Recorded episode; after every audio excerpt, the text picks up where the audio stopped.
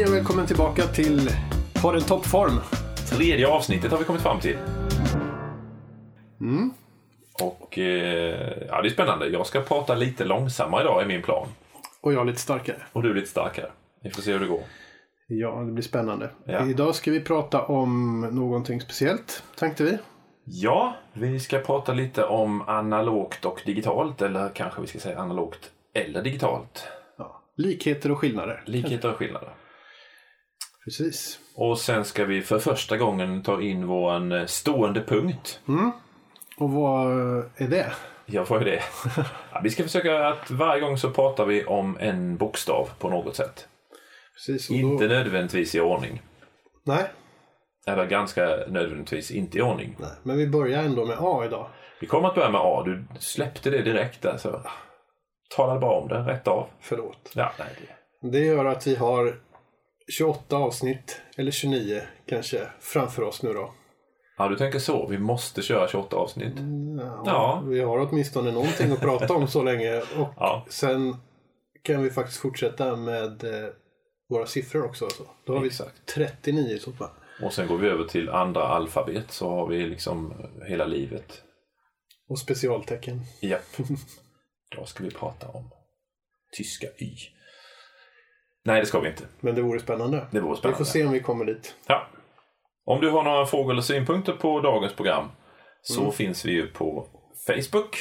Ja. Där Mm. söker man efter oss på Toppform podd. Eh, där tar vi gärna emot både frågor och idéer och synpunkter och sådär. Och på våran webb så kommer ni kunna hitta lite bilder och annat material, länkar och sådär kanske kring det som vi pratar om. Just det.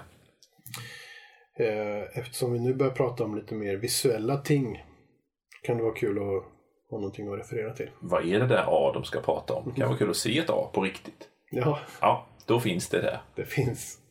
Lite olika A kanske till och med. Nu kör vi introingel. Nu kör vi introingen.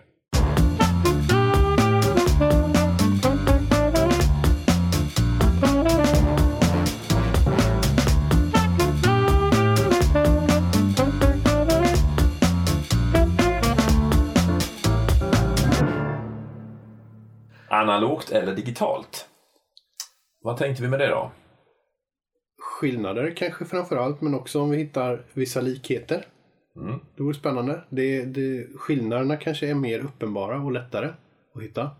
Eh, vi har några olika saker som vi tänkte vi skulle lyfta. Ja. Och där kanske vi också tänker på olika saker när vi säger analogt eller digitalt. Vi, en del kanske, så fort man säger analogt så kopplar man det till ljud eller till fotografi. Mm. Och så är det där man tänker att det är väl det det handlar om. Mm. Men det är inte bara det.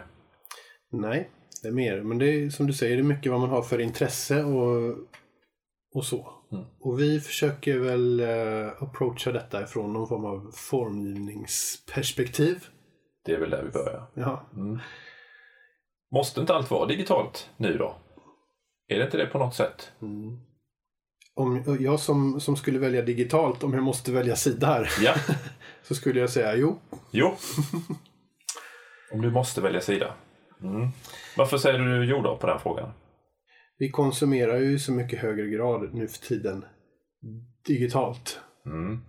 Det kanske har gjort också då att det analoga har, har en liten speciell och härlig känsla på något sätt. Ja, man skulle kunna säga att allt som är viktigt är analogt. Vad säger du om den? Kläderna är analoga. Vi måste kunna ta på dem på riktigt. Det går inte att klä sig i siffror, ett och nollor. Nej, fast det Maten kommer vi ju, äter. vi kommer ju få se mycket mer utav wearables framöver. Men det dock- digitala kläder. Men dock måste de sitta fast i något analogt. ja, okej då. Ja, och maten vi äter eh, måste vara analog, annars så överlever vi inte. nu är du lite trött. Ja. Det kanske går att klippa bort. Eh, vad var frågan? Vad var frågan? Måste inte allt vara digitalt? Måste, ja, måste inte allt vara digitalt? Nej, det måste det ju inte. Men jag tror att mycket behöver vara det. Ja. Och på något sätt så kanske även det som är analogt har haft en digital sväng. och att ha gått ifrån att man kanske skapar en digital variant av någonting så kanske vi nu är på, från andra hållet så att säga. Att man har någonting digitalt och så gör man en analog variant Just det. utav det. Skulle du kunna ge ett exempel på det? Eh, säkert. Uttrycket Mobile First till exempel ett, eh, ett uttryck för det? Det skulle jag nog egentligen inte säga. Nej, Eller kanske det är för någon, men för mig så handlar Mobile First väldigt mycket om hur man antar ett webbdesignproblem egentligen. och då är det ändå digitalt vilket som. Ja, Tänker du det? Ja. men eh, det, kanske, det kanske kan vara det för någon annan. ja. Ett exempel på när någonting har varit eller är digitalt och så gör man en analog variant. Ja, ja, men jag kommer på exempel här. Mm. Kör. Eh, det finns exempel på bloggare som sedan har deras, deras blogginlägg har sedan publicerats som böcker. Mm. Eh, Fredrik Backman till exempel, Mm. eh, författare, Ja. började i den änden att skriva blogginlägg. Så hans bok Saker min son behöver veta om världen var först blogginlägg Mhm. och gavs sedan ut i bokform. Ja. Eh, Ett, ett förlag som kontaktade honom och sa det här vill vi ge ut. Mm. Eh, Så det har gått bakvägen där i så fall. Så det finns ju, och det finns säkert många fler exempel på just det här bloggare som sen har blivit Mm. publicerade analogt också. Mm. Ja, Det var dåligt med exempel på vi, analoga vi ska ting. ställa, som- vi ska eller- inte ställa frågor om, om, om, eh, om sånt helt enkelt. Eh, Det var svårare verkar det som att Ja. komma på digitala ting som blivit analoga. Ja, just det. Än tvärtom ja. Ja. För tvärtom är det ganska enkelt. Jag kom att tänka på till exempel eh, när jag gick på gymnasiet så höll jag och några kompisar på att skapa ett så kallat fanzine. Ja, just det. Eh, och det är inte många i den åldern idag som ens vet vad det är. Nej. Eh, för den är ju helt idag ersatt med bloggar i så fall som skulle Ja. vara motsvarande. Och om vi skulle förklara för unga lyssnare vad fanzine var Mm. för något. Då gjorde vi helt enkelt en eh, papperstidning med hjälp av klipp och klistra och kopieringsmaskin. Ja. Och det handlade om någonting som man... Som man gillar eller var Som intresserad av. I, I mitt fall då så handlar det om musik. Mm. Och lite olika spännande Mm. band och artister och sånt där. Och det där är något som nästan helt försvunnit och finns det så finns det i så fall på webben. Att Ja. man, man bloggar eller skriver om någonting. Man gör, en, man gör en hyllningssida eller... Så på så vis finns det kanske egentligen ett ännu större utbud idag naturligtvis då. Men det har inte riktigt den här analoga touchen längre. Nej, och jag tror nog att på något sätt så var det, det var, krävdes ett mycket större engagemang och en större insats att skapa ett fanzin och få ut den i ett antal ex för att kunna sälja för en 20 till sina kompisar i skolan då. Mm. Än vad det gör att skriva en bloggpost idag. Så det känns som att den tidens redaktionella arbete, om man ska säga, var ju mer välgjort och med mer kärlek och svett. Ja men såklart, bara för att få tag på en bild för att kunna kopiera den Mm. så var ni tvungna att ha den bilden först i Precis. fysisk form. Ja. Och sen kunna kopiera eller klippa ut och klistra in någon annanstans. Idag googlar vi det och så har vi tusentals bilder att välja Mm. på istället. ja. Och det var ju inte tal om att använda något Indesign för oss då, även om det fanns. Men Ja, just eh, det. det är inte på 1800-talet det här ändå. nej, Nej, 90. vi pratar 90-tal här. Sent 90-tal. Ja.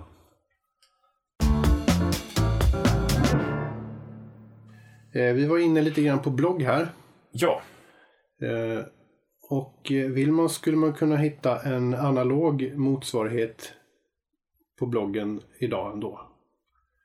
Eh, och då tänker jag på magasin. mm.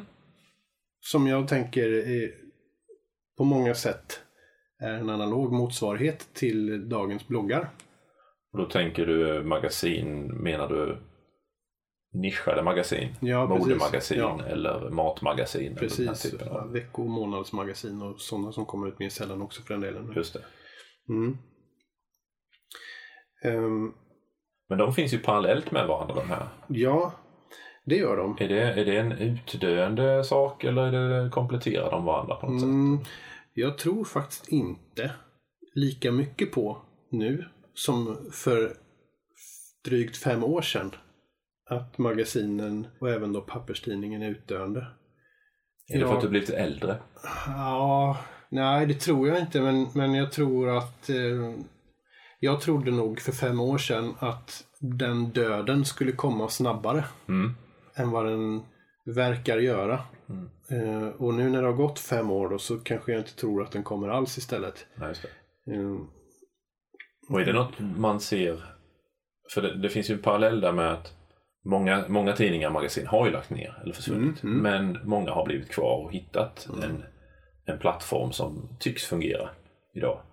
Eh, och eh, bokaffärer lades också ner på löpande band för några år sedan. Mm. Medan det nu börjar öppnas eh, en och annan istället. Mm.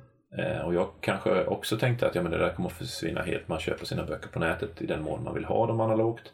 Eller så kommer det gå över att man istället har dem i en platta.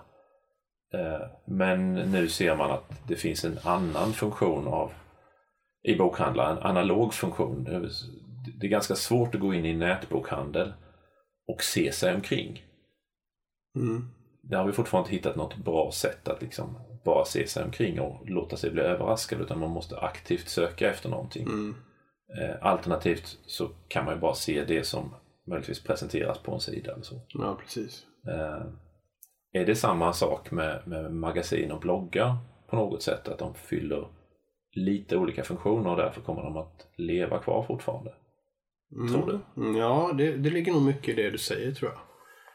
Absolut. Det, den funktionen annars som jag tänker att magasin har och kommer i ännu större utsträckning ha. Precis som med papperstidningen. Är att det kan komma att bli lite grann utav en statussymbol. Mm. Eller att det blir liksom lite grann exklusivt. Att jag kan faktiskt läsa det här på papper. Just det. I, idag så har, har ju mediehusen problem med hur de ska ta betalt Ja. för sitt digitala innehåll. Troligtvis så har vi en bra lösning på det inom några år. Får man hoppas. Eh, Men det är ju det är uppenbart enklare att ta betalt för ett magasin på papper eller en, en tidning på papper. Mm. Så kanske det kommer bli så att det kommer vara lite så här lyxigt. Man unnar sig ett pappersmagasin eller en papperstidning. Eller, jag tänker på till exempel i storstäderna där, när man sitter på tunnelbana och liknande och, och läser. Det är sjukt opraktiskt att ha en papperstidning på tunnelbanan. När det är trångt och så vidare. Ja. Det är enklare att läsa på en mobil men samtidigt så kanske det kan komma att bli lite grann av en statussymbol. Just det. Jag vet inte. Tror du då också att eh, papperstidningar, i den mån de kommer att bli statussymboler, också kommer att ha eh, mindre reklam i sig? Att reklamen kommer att flyttas helt och hållet? För det, det är något som sker redan nu, att Mm. reklam flyttas från, från papperstidning till webb. Eh, kom, Mm. Kommer då de här exklusiva tidningarna att, att ha mindre reklam eller att ha exklusivare reklam? Så att säga? Mm. Bra fråga. Mm. Nej, jag vet inte. Det, jag är lite tveksam till att det skulle bli mindre reklam. Det, det, möjligtvis om, om det blir liksom ehm, de här magasinen då skulle bli statuspryl i absurdum. Ja, För det är ju ändå så att reklamen sänker kostnaden på magasinet såklart. ja, förstås. Så kanske det skulle kunna bli så. Och då blir ju det också en, en statussymbol i sig. Att jag kan läsa ett magasin utan reklam. Just det. Frågan om det finns tillräckligt många som skulle vilja betala tillräckligt mycket Mm. för att det ändå skulle kunna leva vidare. Mm. Och nu sitter vi och spånar verkligen här och gissar vilt. Det är lite spännande. Mm. För det, det vi ser på, på webben och den digitala marknadsföringen är ju att den är extremt slimmad utifrån personens och individens behov, sökningar. Precis. Ja, och så. den, Det är- går, det- den är väldigt välriktad jämfört med printad reklam. Ja. Oavsett vart den printade reklamen är egentligen. Och det skulle vara väldigt svårt att lösa det i en exklusiv tidning också Mm, då mm. på något sätt. Om man inte då pratar prenumerationer och sånt här. Så.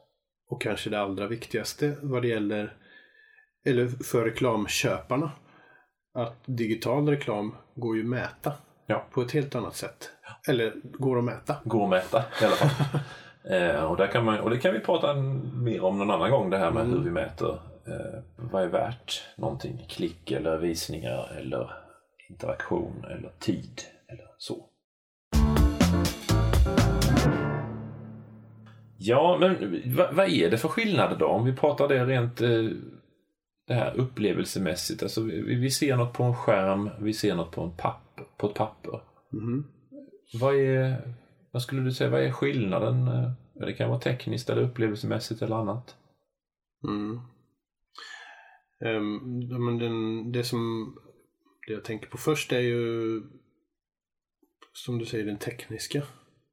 Att eh, ser vi någonting på skärmen så är det små pluttar eller pixlar Mm. ehm, med rött och grönt och blått. Ja. Och hur är det på papper då? Det kan väl du berätta? ja, det kan jag. På papper är det också små pluttar egentligen ju. Det är bara det att det är fyra pluttar istället för tre. Cyan, magenta, gult och svart. Ja. Ja. Eh, som, som bildar ett annat mönster. Eh, så att okej, det var ingen större skillnad där. Eh, eller ja, det är, det är rätt stor skillnad på de två sätten i och för sig. Mm. Ehm, På, får jag fråga nu då? Ja. I en trycksak ja, så blandar man väl färgerna? det gör man ju. Man trycker de här på varandra. Man trycker dem på varandra. För det gör man ju inte på en skärm ändå. Utan då har man en röd, grön, blå plutt. Ja. Som är av eller på. Ja, fast de lyser ju genom varandra även på en skärm. Så att du får ju olika, du får ju inte bara röd, grön och blå. Nej, men de, de blandas ju på grund av att man betraktar dem på ett avstånd. Ja, just det. De sitter ju aldrig på samma Nej, det är sant. fläck så att säga. Nej. Och det gör de ju faktiskt i en, tryck, i en tryckt version. De sitter på, på varandra och blandas på det viset. Eh, Det är egentligen en väldigt viktig skillnad. ja, det är det. Och sen den andra viktiga skillnaden är ju att i en trycksak så är det reflekterande färg. Mm, Det vill säga det krävs en ljuskälla för att vi ska kunna uppfatta det. mm, precis. Eh, någonting måste lysa på mitt papper. Ljuset i rummet, ljuset utifrån, en lampa. Mm, är det mörkt så finns det ingen färg på pappret mm, förstås. Eh, och det gör att färgen ändras väldigt mycket beroende på vad är det som lyser på pappret. mm. Medan på en skärm funkar det lite annorlunda. Hur funkar det där? Där lyser det bakom.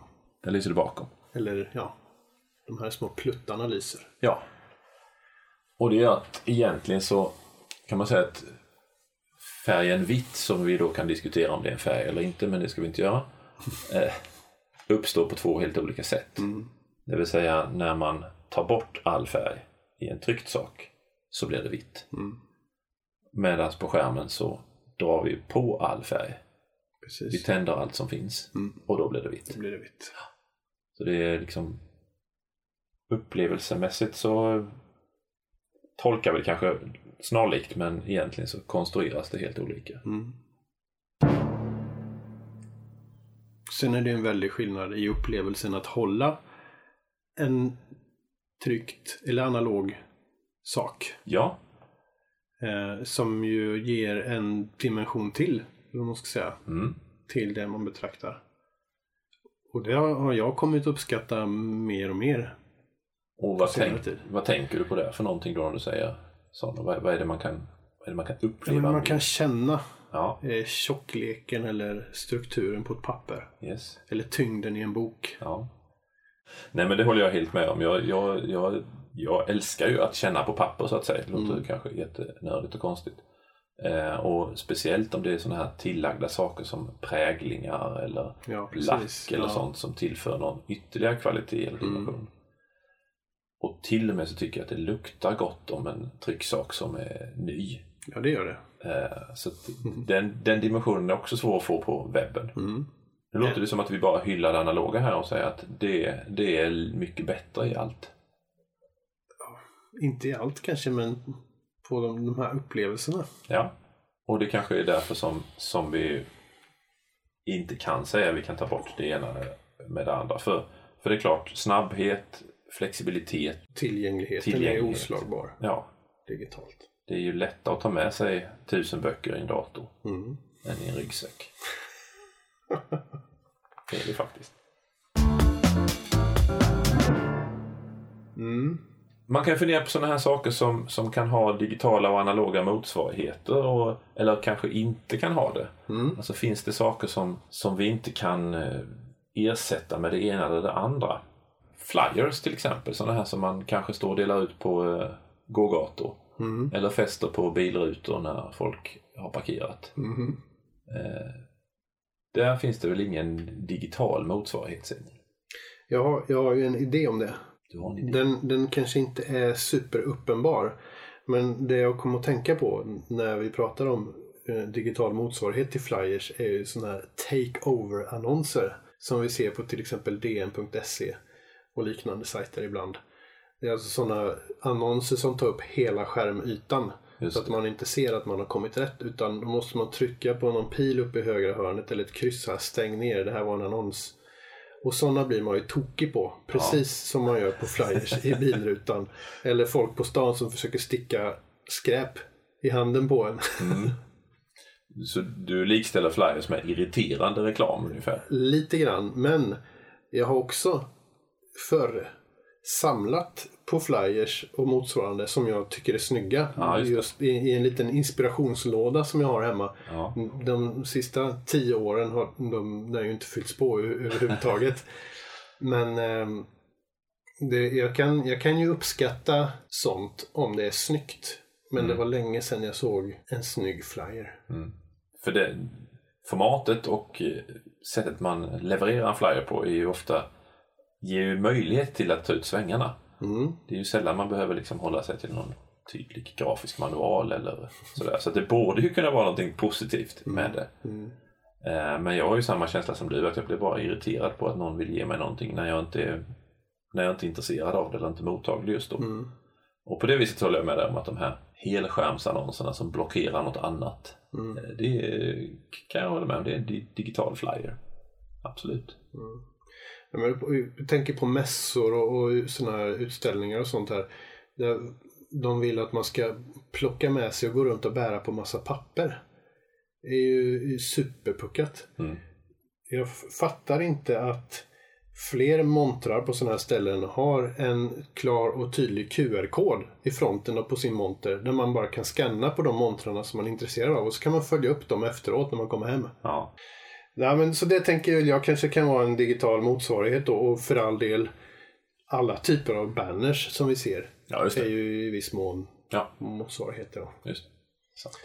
Även om den parallellen inte är supertydlig. Nej. Men om man ska försöka sig på någon form av översättning så ska det väl vara det då. Mm.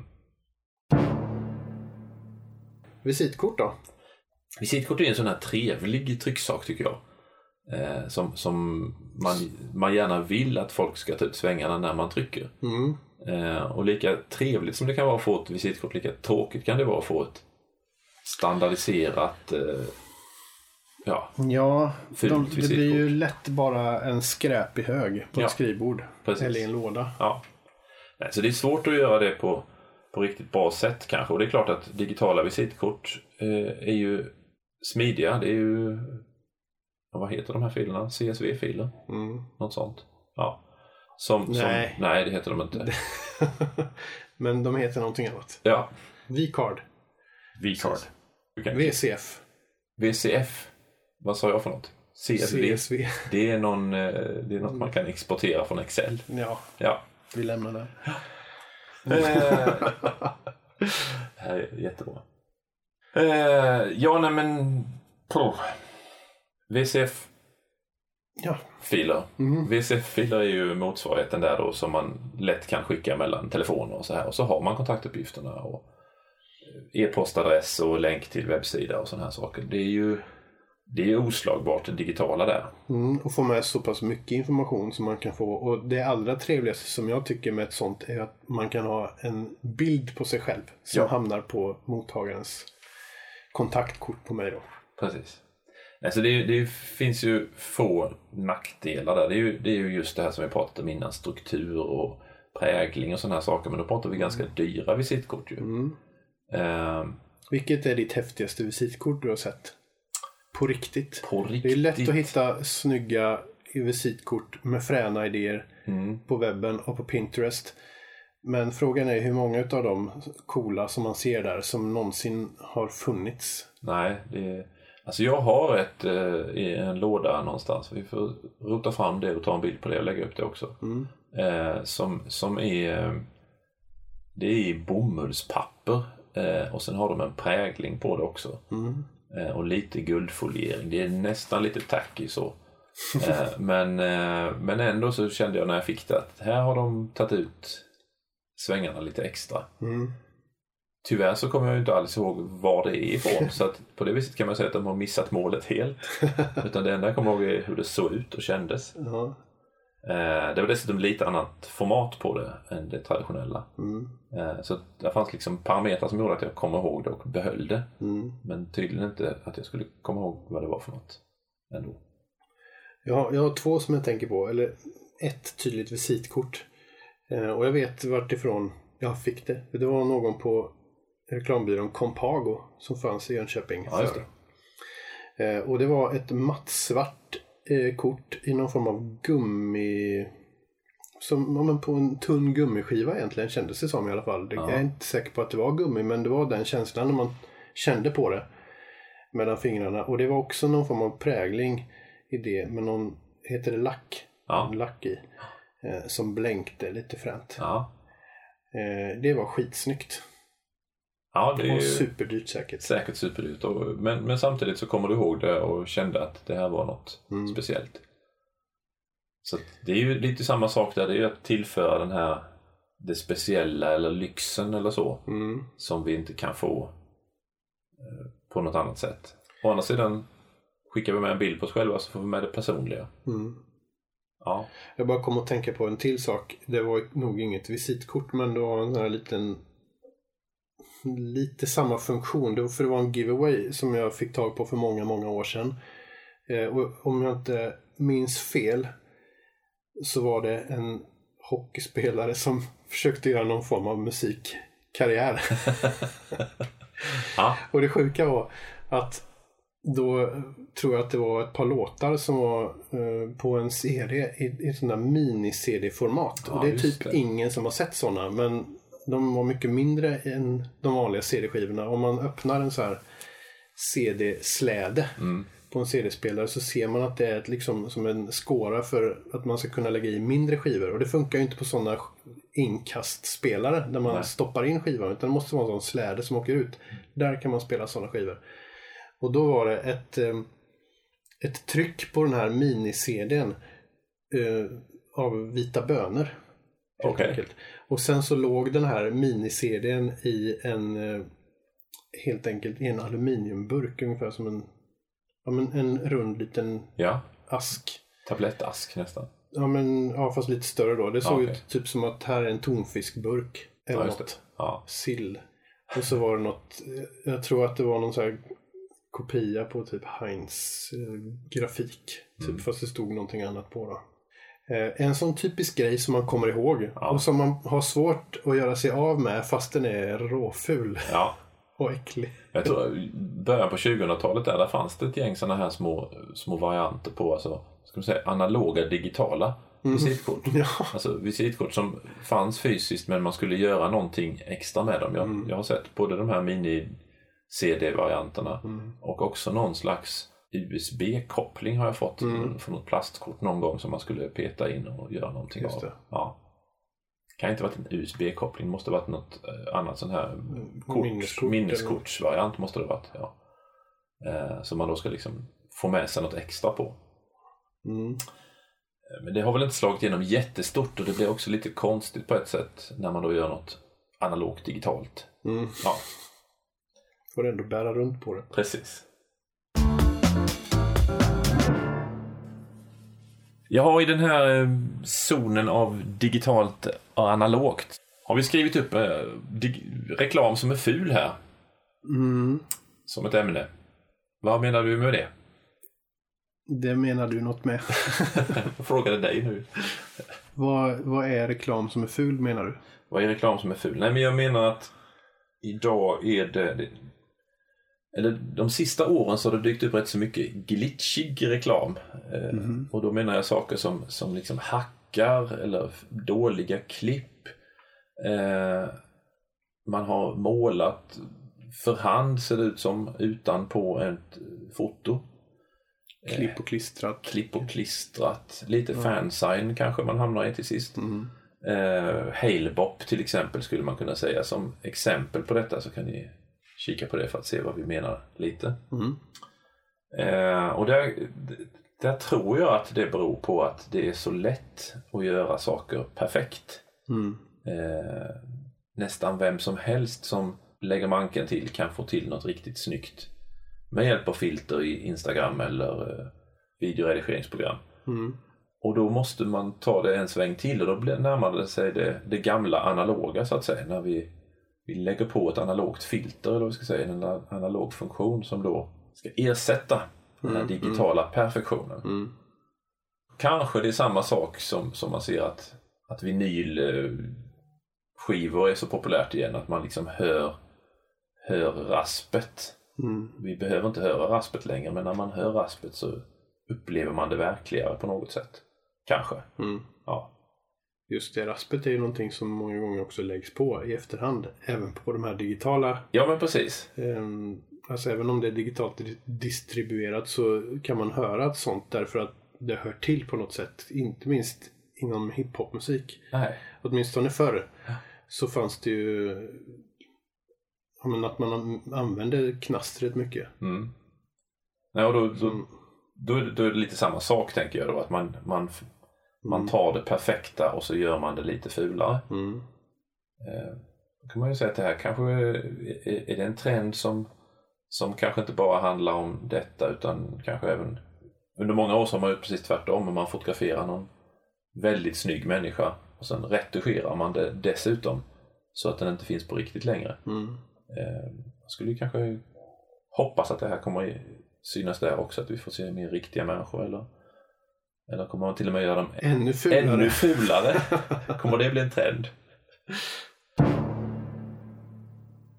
Det, jag tycker det har varit en, en trend några år eh, inom webbdesign där man försöker göra webbsidor som ser så tryckiga ut som möjligt. Det här Ja, kanske kan vara en, en del av sånt kanske. Ja, det kan jag tänka mig att man har liksom precis, man ska gå förbi begränsningarna i webb som finns så att det ska se ut som tryck, trycksaker. Men det är klart, det har skärmarnas upplösning också gjort att, att det har varit möjligt på ett annat sätt de sista åren när vi har Mm. högupplösta skärmar som, Mm. som har samma upplösning som trycksaker. Men tror du, att, tror du att man även i webbdesign där då kommer att, eller har man redan börjat se även fulare saker där då? Ja, jo men det är ju en smaksak naturligtvis men Såklart.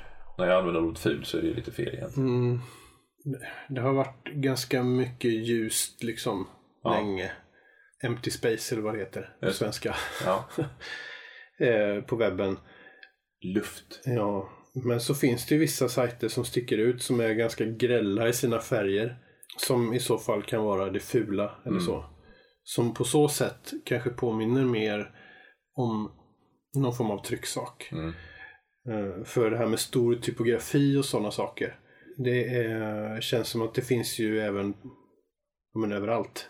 Absolut. Eh, Men kanske då det här grälla eller vad man ska säga. Mm. Att det skulle kunna vara Något som vi kommer, kommer se mer om kanske. Mer av.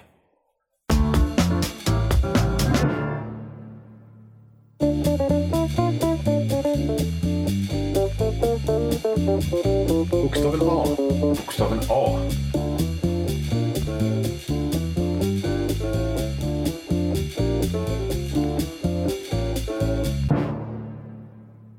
Eh, ja, men vi började med A ändå. Mm. Och eh, vad, tänk, vad tänker du när jag säger bokstaven A? Eller ska jag börja prata om A? Eh, ja, det kan du väl göra. Berätta lite om A. Ja, jag berättar lite om A. Bokstaven A är ju svår att gå förbi. Bra Pun intended. Eh, första bokstaven i alfabetet och vi kanske inte borde börjat med den om vi nu säger att vi inte ska ta dem i ordning. Men det kan vi lösa direkt nästa gång. Romerska alfabetet som vi då använder har första bokstaven som A och vi kallar den ju A. Hämtat den från grekiska alfabetet där den då hette alfa. Mm. Ja, logiskt nog. Och grekerna i sin tur snodde den från fenicierna eh, där den hette alef. Vad du kan. Ja, visst kan jag saker. Eh, Alef känner jag igen från hebreiska också. ja, precis. Vet du då också vad det betyder? Nej. Nej, det betyder oxe. Helt enkelt. Och om man tänker på det och vänder upp och ner på den så är ju inte A ett, ett annat, något annat än ett oxhuvud. Mm. Det vill säga en triangel med två horn på. Eh, och det är där den har sin ursprung också. Så att första bokstaven i alfabetet har en väldigt tydlig bildinnebörd och är på så sätt egentligen släkt med de första tecknen som vi överhuvudtaget känner till. Det vill säga grottmålningarna när man ritade en tjur på. Jag måste ju bara Vägg. fråga då. Hur Ja. Kommer det sig att den här oxen hamnar upp och ner? Ja, det är ingen riktigt som vet det, men romarna var väldigt förtjusta i att vända rätt saker, eller fel. Alltså, så att det, man tror att romarna var de som snurrade på den och ställde den på, på hornen istället. Eh, och kanske för att de inte hade koll på vart den kom ifrån. För att grekernas lilla alfa eh, är betydligt rundare och har hornen liksom spretande åt höger istället då kan man säga. Så att det, den hade redan börjat vrida på sig där. Men, men eh, det finns ingen sån där klockren förklaring på varför plötsligt tjurhuvudet pekar rätt uppåt istället. Men nu står den där och är ju en väldigt trevlig bokstav. Stabil och bra. Eh, praktisk att använda. Står stabilt med båda fötterna på jorden. Ja men exakt. Och det gör att den är väldigt bra att använda i, i logotypsammanhang och sånt här. Mm. Jag googlade lite på, på ett, en logotypsamling och eh, loggor som börjar på A var ju klart vanligast dessutom. I den logotypsamlingen så fanns det 22 000 loggor som började på A men kanske bara 5 000 som började på B. Mhm. Eh, nu kollade jag inte alla bokstäver. Kan det ha att göra med att det är en vanligare bokstav i början på ord? Det är, kan det ju säkert vara också. Så, för den är ju, det är en väldigt vanlig bokstav. Eh, Inte bara i början på ordet utan även i mitten och så. Det är ju en av de vanligare. Ja, så det var ju lite bakgrunden till A där då. Mm. Intressant. Det var Ja. inte mycket av det jag visste Nej. förväg. Sådär. Vad, Eh, vad har vi för eh, logotyper med A då? 22 000 att välja bland. Ja, vilka har du tittat ut?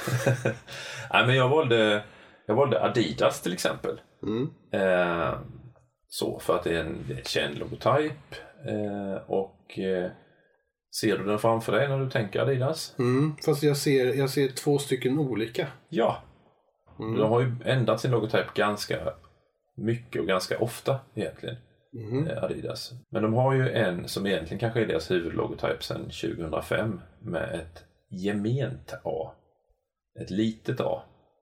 Mm. Jag tänker nog egentligen kanske framförallt på, på bildsymbolen som Adidas använder sig av. Eller att det finns två varianter där. Ja, Eh, Det kanske inte gör, det kanske är jag som snurrar till det bara. Ja, vi- jag tror att du har rätt. Kanske. Du tänker på, på eh, de tre ränderna eller den tredelade blomman eller vad vi ska kalla det. Ja, precis. Just det. Då tänkte jag på den här blomman som den originalloggan eller vad man ska säga som jag ju känner igen sen man var liten. Just det. Och så, jag vet ingenting om egentligen Adidas-loggan men det som, som jag föreställer mig är att de här tre rännorna-loggan har kommit utifrån att de behövde någonting som passar bra på en sida av en sko. Ja, ja men det, För det, är ju, därifrån man känner igen den bäst, tycker Ja. jag. det, det, är ju det är nästan sant. De tre ränderna kommer av den här blomman ursprungligen. Så den tredelade blomman kom först. Mm. Eh, och sen så vid ett tillfälle så satte de tre ränder på den också. Fast, fast i blomman är de tre ränderna negativa. Just det. Eh, de kapar blomman så att Mm. säga. Ja, helt rätt. Eh, och, och blomman är tydligen ingen blomma heller från början utan den ska symbolisera eh, de tre landmassorna. Mhm. Ja, det vill säga Amerika, nord och syd, eh, Europa, Afrika som en och Asien som en. Ja, och det ser man ju direkt nu när man tittar på den. Nej. Eh, det gör man nog inte. Jo, men om man kisar lite. Ja, om vi kollar på en trycksak i ett mörkt rum. Kanske. Ja, nej, vi kan prata mycket om Adidas och bakgrund och eh, släktskap med Puma och sånt här, men det kanske är ett annat program. Så det ska vi inte göra. Men du var inne på något versalt A. De har haft ett versalt A, det vill säga ett stort A också. Eh, Men sen 2005 så ska de inte använda det. Sen har jag ändå sett det dyka upp då och då senare också. Eh, och det är då ett ganska ja, vasst A i förhållande till hur rund loggan numera är. Jag ser det inte alls framför mig. Nej. Vi kan se om vi, kan, kan- hitta någon variant på det och lägga upp också. På... I så fall får, får den följa med ut också. Precis. Hade du någon logotyp på A? Mm, ja, jag har två, två grejer. Dels när vi bestämde att vi skulle prata om A idag så såg jag ett väldigt tydligt A framför mig direkt och det har att göra med mitt kepsintresse. Ja, då ser man ofta ett A, eller många olika A på kepsar naturligtvis i och för sig. Men ett som, som eh, var särskilt bekant för mig, som jag kom att tänka på direkt, var eh, baseballlaget Atlanta Braves eh, A, som är väldigt karaktäristisk. och där har jag inte någon som helst bild på näthinnan hur det skulle kunna se ut. Nej, den ser ut så här. Nu har jag ett sånt. Ja, det är lite skript A. Precis, vi kan lägga upp den bilden också. Men den är liksom lite glad på något sätt och påminner nästan lite grann om en mustasch. Eh, ja, på något sätt så. Ett ystert A. Kan vi säga. Ja, Eh, sen så sökte jag också bara lite snabbt inför detta och hittade en väldigt trevlig logotyp som jag inte tror är till någonting. För jag hittade den bara på Behance eh, i någons portfolio där. Där man har blandat ett gement och ett versalt A i vartannat och blev väldigt fränt ja. tyckte jag. Jag tittar på bilden här nu och eh, häpnar. är kanske inte ordet, men det är snyggt i alla fall. Man Ja. kan ju säga man, man, har, man har beskurit ett litet A med ett stort A's yttre form. Skulle man kunna säga. Och så sammanfaller den här um, tomma delarna eller liksom negativa platsen hur man uttrycker det Ja, precis. i, A med varandra. Mycket smart. Mycket smart och mycket snyggt. Mm, trevligt. Vi kan ju skicka med två stycken eh, eh, ett snyggt A, ett, ett, eh, ett bra typsnitts A. Eh, så kan vi säga att eh, Baskerville till exempel, det är ett A som heter duga. Eh, Baskerville-fonten från 1600-talet. 1700-talet, förlåt mig. Eh, ett stabilt och bra, ett klassiskt A. Snyggt. Verkligen. Eh, bra proportioner. Ja, ett bra A. Och ett A som vi vill eh, varna för. Känsliga tittare. Eh, det är ju Tahoma, nej förlåt, Trebuchets. Typsnittet Trebuchets as. As. Asfult är det. Kom hit lite närmare med den bilden. Ja. Eh, det kanske inte är det fulaste A i världshistorien, men det är lite konstigt tycker jag. Det är nämligen lite vast och runt på samma gång. Eh, om man skulle kunna titta på ett eh, Futura A till exempel istället som verkligen går hela vägen och är bara vast.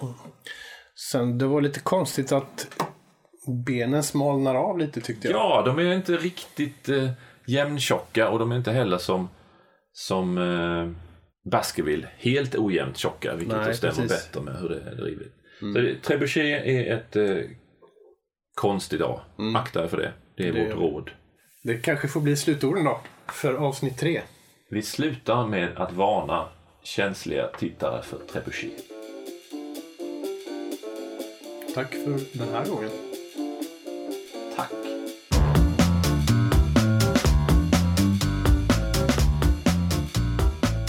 Lyssnat på podden Toppform av Leif Stålhammar och Simon Sandgren. Toppform presenteras i samarbete med linjen Grafisk form och kommunikation på Södra Vätterbygdens folkhögskola. Har du synpunkter eller frågor om avsnittet får du gärna höra av dig på Facebook-sidan Toppformpodden. Och gillar du podden blir vi glada för bra betyg i din poddapp.